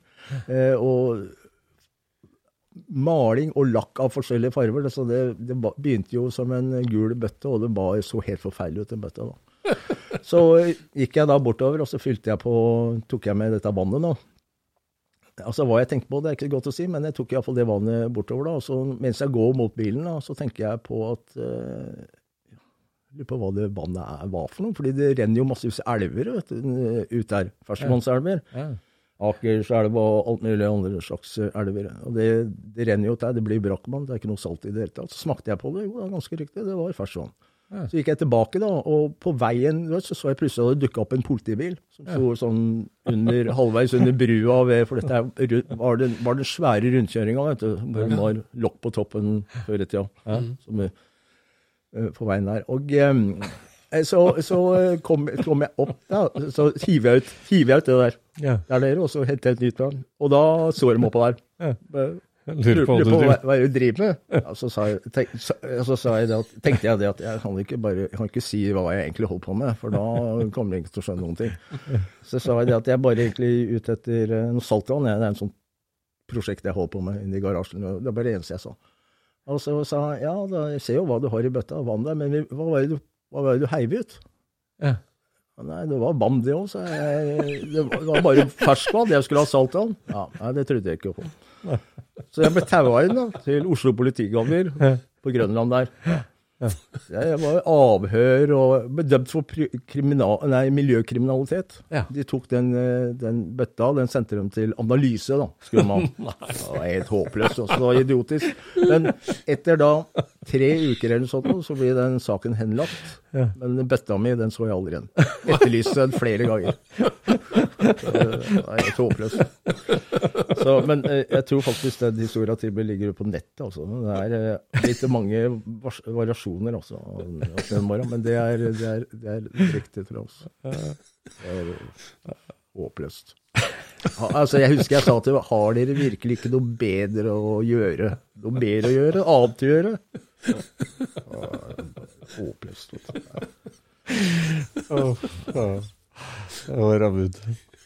Nei, den barndommen ble utrolig, i hvert fall med aging og alt sammen. Og, ja, det som sier, det der med å skjønne det. Jeg husker du fikk noen sånn kritikk på et forum at ja, hvor er det originale verktøyet og jekken, og det er ikke noe utstyr i bilen. Hadde den skulle vært eh, ordentlig autentisk bygd, så skulle den jo hatt alt det utstyret. Ja, opplevelse. Ja. Ja, det er, altså, Ikke helt skjønte. skjønt det. Helt klart ikke skjønt det. Nei. Nei, poenget er jo at det er jo vekk. Ja. Så Det mange er år etter så helt er jo det vekk. naturlig at det burde være vekk, ja. Ja. Bare speedsterstolene og bremsene som satt igjen. Mm. Så, så var det vel for, var det, å- å- firekammotor i den Ja, det var- originalt? Det var, det var Trikset var at du skulle se som firekampsmotor. Så jeg hadde jo eh, bygd om eh, tanken. Den hadde jeg flytta fordi sånn som det er på det barntårnet, så må du åpne motorluka vet du, for å fylle på. Ja. Så det jeg gjorde, jeg tok ut tanken, og så tok jeg den med til noe som heter Norsk Radiatorservice. mener jeg den het. Norsk, eller kanskje det var Oslo. Lå i Kvernerdalen inne i Oslo. Ja. Gamle dager. Og det var stadig nedom der, husker jeg, fatt, med fatter'n blant annet. Han, eh, holdt jo på med sine vannoppkjølte biler og måtte reparere det ene og det andre. Så jeg kjente jo de gutta litt, og så forklarte de hva de skulle gjøre for noe. da. Gjøre om stussen på å lage den litt lenger og med en annen vinkel, så jeg kunne legge den på utsida. Ja. Så det en gjorde ny jeg. luke med nei, så Nei, jeg, jeg lagde, lagde ikke luka, jeg lagde den i hjørnet på bilen. Ja, det gjorde du sånn. Ja. Så det jeg gjorde, og så lagde jeg et sånt et fake uh, lys, som det var, Mm. faktisk var. Mm. i, på den andre sida, som skulle se ut som et sånt varsellys, da, fordi det var en supportbil, ikke sant. Hvis den skulle hjelpe en eller annen bil, eh, liksom, så var det greit å ha et lys, og Mm. du skjønte at det var noe som holdt på å skje der. Og eh, eh, så, eh, så fikk jeg laga den berømmelige aliluka, som jeg hadde tenkt på hele tida å Mm. få laga. Så da løfta du da bensintanken opp for Løft. at det skulle se ut som det hadde stått en firekammers Porsche ja, ja, ja, det løfta den, og så flytta den lenger inn i hjørnet, så det ble mer plass inni der. Ja. Og så lagde jeg et sånt et skript på Baklykta. Jeg vet ikke om jeg skal si akkurat hva det står på det skriftet, men eh, Det er noe med frihet og firekammer, er det ikke det? frihet og frikamera. Ja. ja. Det, det jeg hørte, var at eh, etter at den bilen hadde vært på, på eh, Camberg, så hadde det vært en svært diskusjon på det amerikanske 356-registeret om den bilen. Og de hadde jo ment at det var noen nazister da, som starta et racingteam i, i, etter krigen. Akkurat. Så, det, Så det var- det var- historien ble bare enda bedre. det ble bare enda bedre. Men, Ja, eh, men det, var, det var problemer, og, og det var ikke så mange som eh, skjønte det, altså. Virkelig. Det, det er jo et problem som eh, jeg kommer til å slite med i framtida. Fordi det er som jeg sa, her om dagen så fikk jeg plutselig en masse de ideer som kom bare seilende. Mm. så, eh, Men det er jeg skal, jeg, som så, jeg, så jeg må bygge et nytt prosjekt Du må det, rett og slett. Mm. For ideen for å få brukt, brukt dem opp. Ja, det er fullt i boka. Men en av de ideene du hadde rundt barndåren som jeg ikke har sett så veldig mange andre gjøre, er jo å få malt et oljemaleri av den bilen på jobb. Ja, ja det, jo da. Den der, den, ja, folk tror jo at maleriet kom først, vet du. Ja. Ja, ja, ja. ja. ja. Altså, det er jo én ting som er feil på det maleriet, som du kanskje har sett. Og jeg sa jo det til han Tim, som har malt eh, maleriet. Det er jo han som nå har malt mye av dette greiene som har vært i Sotheby's kataloger og Ja. sånne. Han er For du snakker om et ekte kunstverk, Ekte- et, et stort kunstverk, ja. oljemaleri Ja.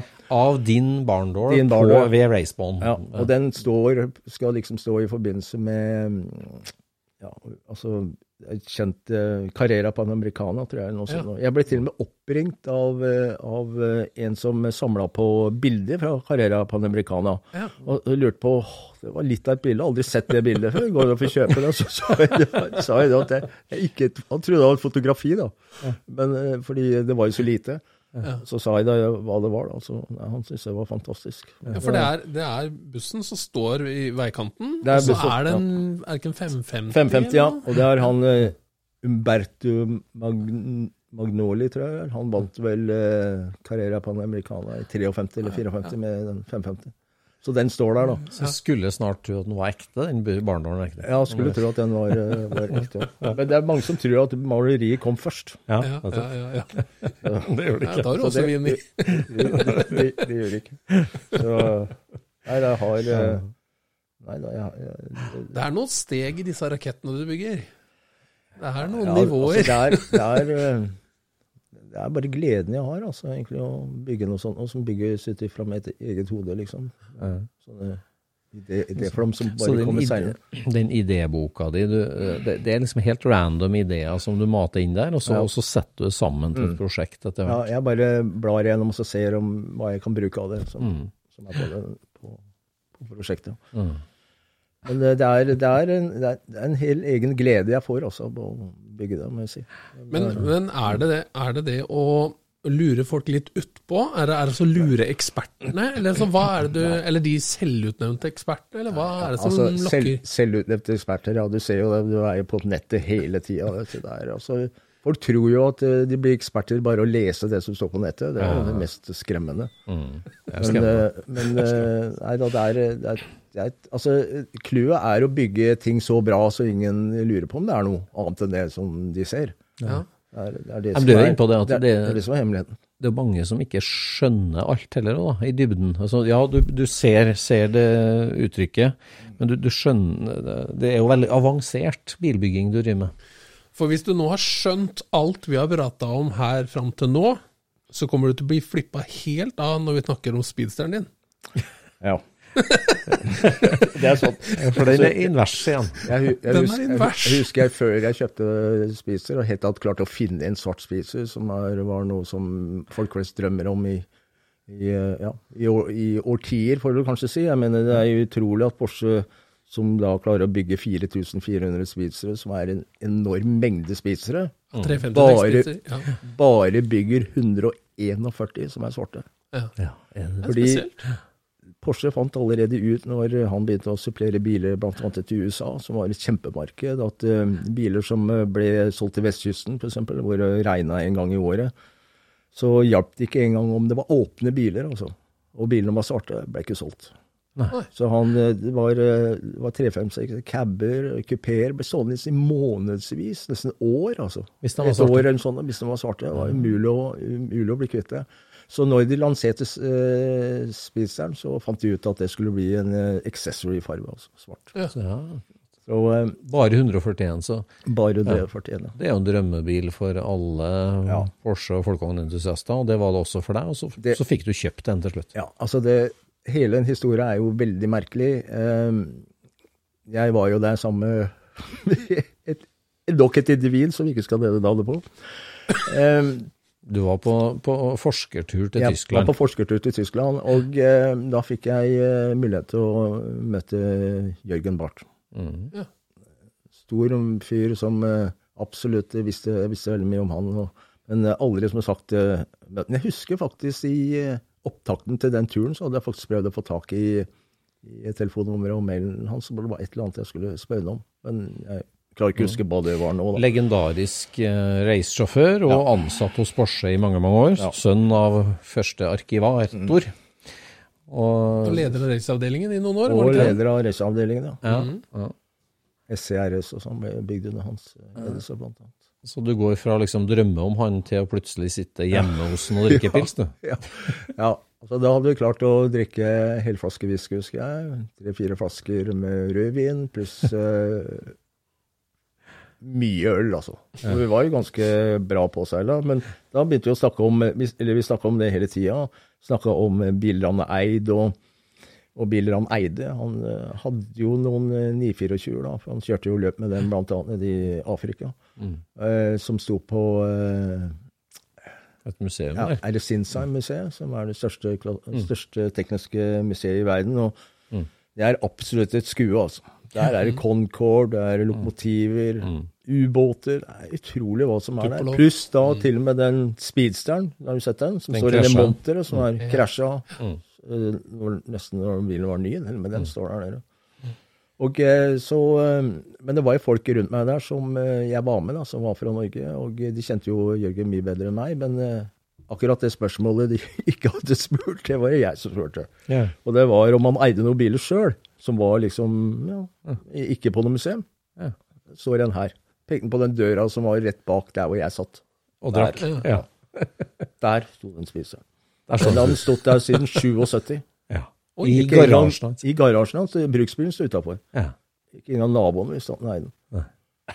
Ja, det, det var helt, helt utrolig. Så da altså. sitter de der en dag og drikker, og så Ja. plutselig står spiseren der. Da så spiseren der, og eh, jeg hadde jo allerede drømt da kanskje i eh, 15 år også prøve å få tak i en spiser, men det var jo altså uansett eh, hvor du er i livet, så koster ting altfor mye penger. Uansett. Selv om spiseren merkelig nok fortsatt er altså billig og billig, billig i ordets forstand, vel.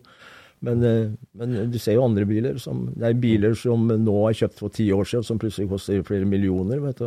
Hva det, så det er vel eh, Ja, nå begynner jo markedet Nå ser vi jo hvordan ting blir i, verden etter hvert, da, dessverre. Mm. folk må selge, og markedet kommer sikkert til å gå ned. så- Men da, den natta gjorde det noe med deg, skulle du si. Så Ja, da er det men- hjem og samle penger Nei. og Jeg gjorde, jeg gjorde ingenting, egentlig. Jeg, det vi gjorde, jeg snakket med han som uh, var kontakten min, da, som uh, var med der, som den gang var en god venn. og uh, Han, han sa til meg ja, Pål, du, du burde kjøpe den spiseren. Og så sa jeg at ja, det hadde vært, sikkert vært hyggelig, det. Ikke vet vi om Jørgen skal selge den, men nå er jo du det er jo du som i bunn og grunn er Jørgens eh, kamerat, ser jeg.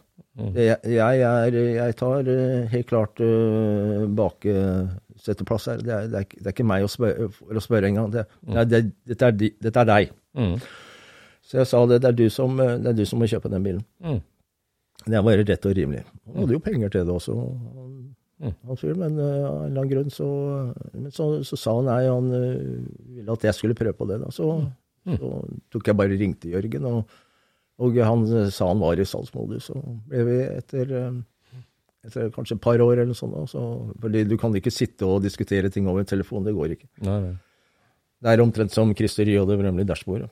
Husker jeg fortalte deg det? Ja, det Du kan ikke sitte og diskutere millionkontrakter på mail. Altså. Det går ikke. Og eh, Så eh, jeg dro vel ned dit, og så eh, ble vi jo enige om en pris. Og så Det var det. Da ble det spist i. Da ble det spiser. da. Altså, du kan si det er mye av grunnen til at jeg eier den spiseren. Jeg er selvfølgelig for hva det er.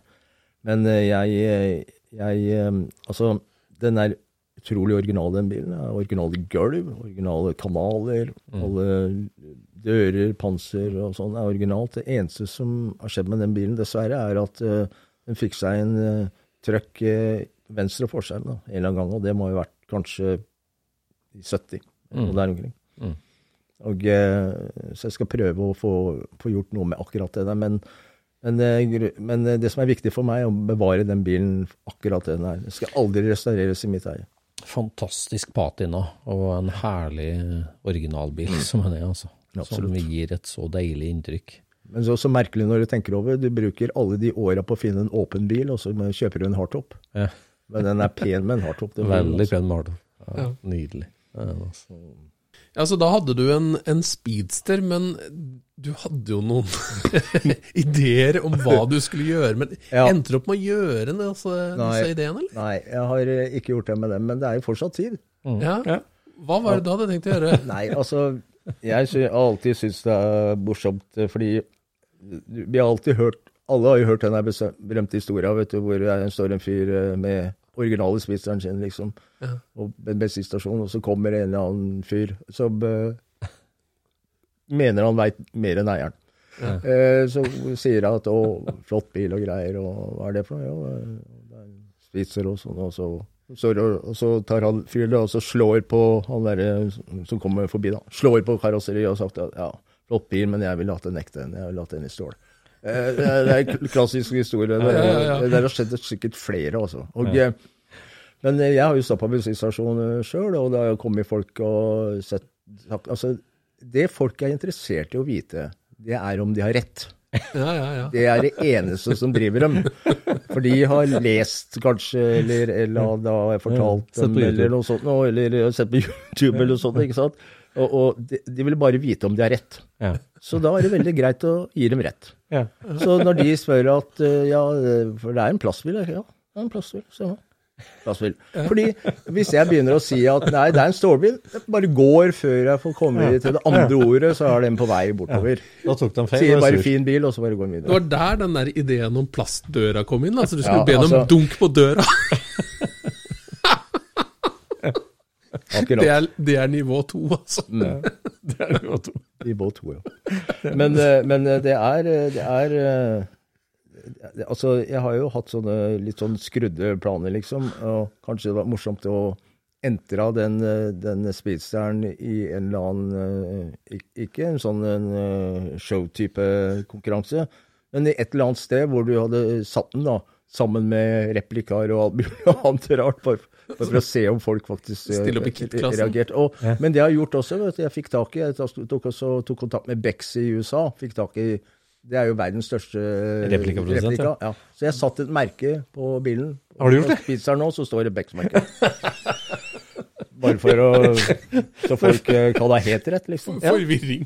Bare for å gi gubben på bensinstasjonen rett. Gi gubben på bensinstasjonen rett. ja. Det er hyggelig, da. Brød og sirkus til Ja, jeg tenker på andre mennesker. da. tenker på andre mennesker. Ja, ja, ja, tenk på følelsene deres. Og Alle skal få leve i den vrangforestillinga de har. alle skal få leve i vrangforestillinga. Men eh, Det er Utrolig artig, Pål, med altså, den merittlista di på biler. og Når du begynner å telle opp, det er jo helt vilt. Vi har ikke snakka om alle 911-ene ennå, vi har ikke snakka om eh, det ene og det andre. Det, Nei, det er- du har vært en produktiv kar. Det er, en, Altså. det er en, en ting som eh, du burde absolutt sjekke, om vi kan snakke om. Ja. Og det er, det er din jobb. Ja, det er mange å prate om. Men du sier at eh, memo, altså, boka di, tipp, idéboka di er full, og du er alltid på, på nye fronter. Hva, hva opptar deg mest nå for tida, Pål? Hva, hva tenker du mest på nå? Altså, jeg har jo hatt det fra jeg var eh, ni år gammel. Jeg var på ferie med foreldrene mine i London, husker jeg. Mutter'n er jo engelsk, så da er det naturlig at vi tok en tur sånn hvert tredje fjerde, eller fjerde år til, til England. Og um, da husker jeg i London, utafor uh, Hyde Park, eh, husker jeg. Da var det en Mura. Grønn Mura. På gata? På gata? På gata, ja. Jeg var ni år da. Når året det var? da? Det var vel i 72, da. Helt fantastisk. herregud. Du, du gikk rundt som guttunge og så en Miura på gata, Sjelesettende. Det blir nesten å grine, hører du det? Ja, det, var, altså, det, var, det, var, det var helt fantastisk. Også. Så jeg har vært helt opphengt i de bilene. Men når du tenker over det altså, Den første tolleren vet du, som vi bygde, den ble testkjørt når?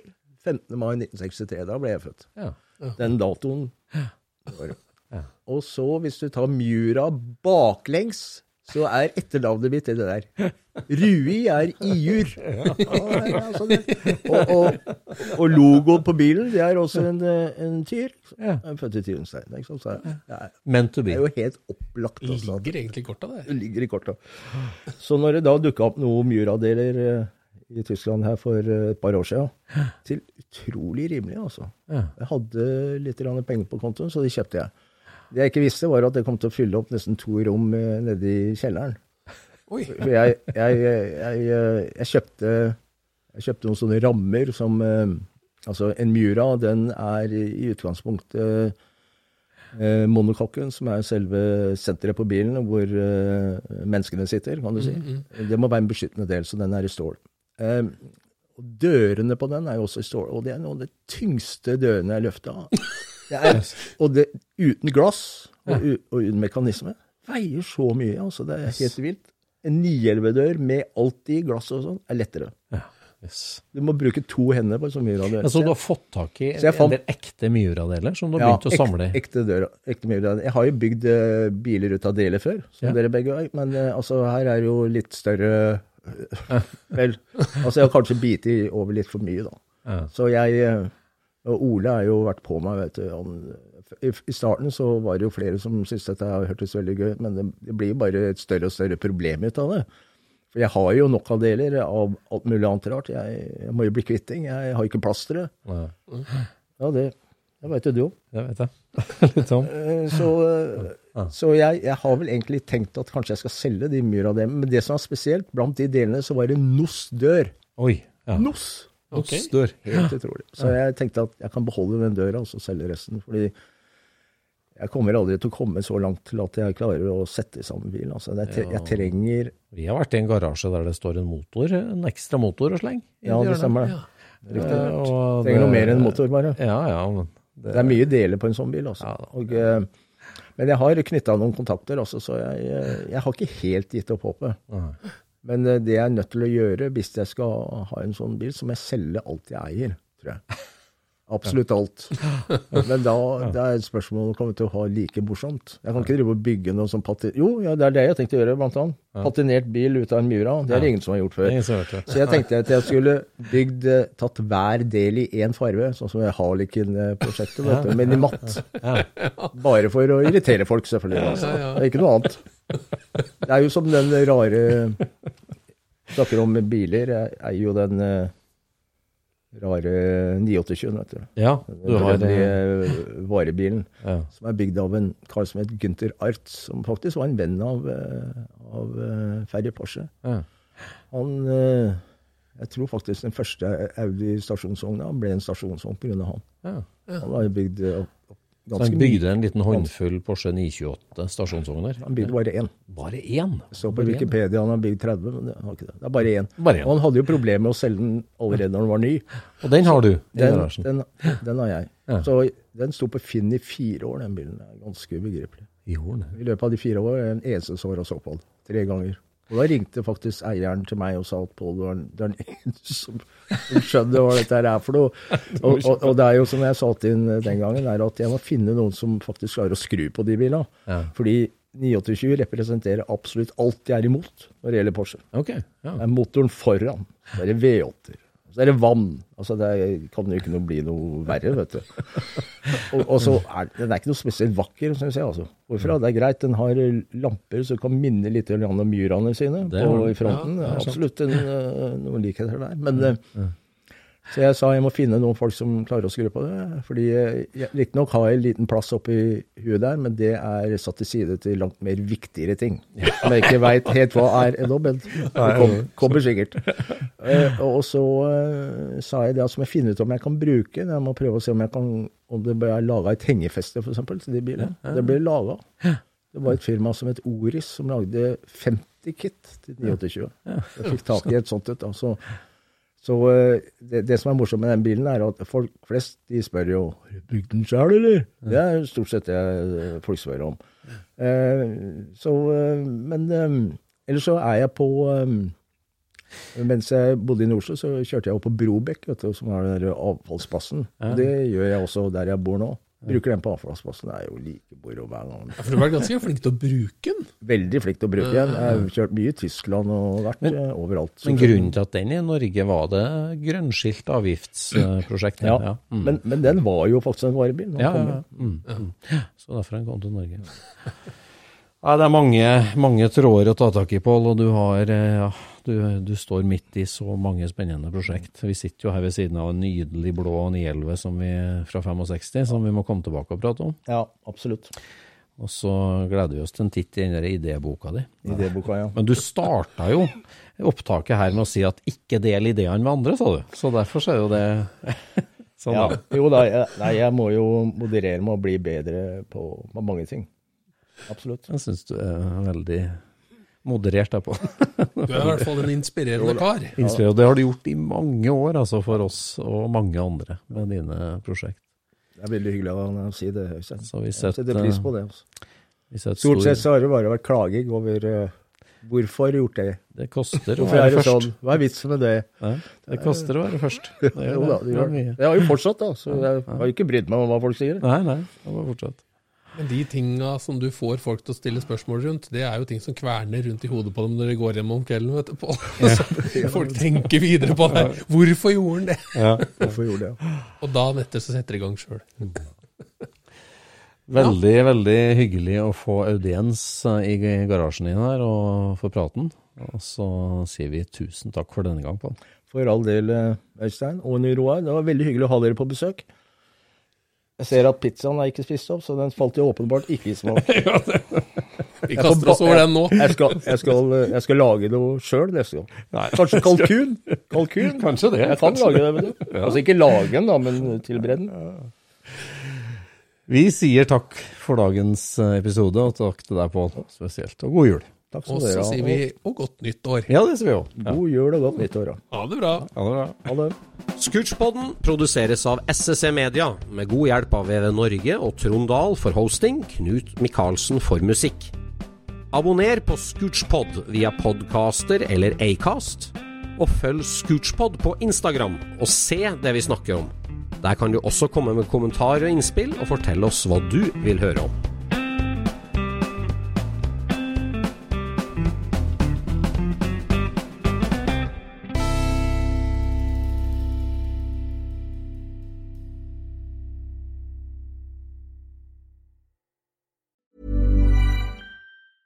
Mom deserves the best, and there's no better place to shop for Mother's Day than Whole Foods Market. They're your destination for unbeatable savings, from premium gifts to show-stopping flowers and irresistible desserts. Start by saving 33% with Prime on all body care and candles. Then get a 15-stem bunch of tulips for just $9.99 each with Prime. Round out Mom's menu with festive rosé, irresistible berry chantilly cake, and more special treats. Come celebrate Mother's Day at Whole Foods Market. Planning for your next trip? Elevate your travel style with Quince. Quince has all the jet setting essentials you'll want for your next getaway, like European linen, premium luggage options, buttery soft Italian leather bags, and so much more. And it's all priced at 50 to 80% less than similar brands. Plus, Quince only works with factories that use safe and ethical manufacturing practices. Pack your bags with high-quality essentials you'll be wearing for vacations to come with Quince. Go to quince.com slash trip for free shipping and 365-day returns. Planning for your next trip? Elevate your travel style with Quince. Quince has all the jet-setting essentials you'll want for your next getaway, like European linen, premium luggage options, buttery soft Italian leather bags, and so much more. And is all priced at 50 to 80% less than similar brands. Plus, Quince only works with factories that use safe and ethical manufacturing practices. Pack your bags with high-quality essentials you'll be wearing for vacations to come with Quince. Go to quince.com slash pack for free shipping and 365-day returns.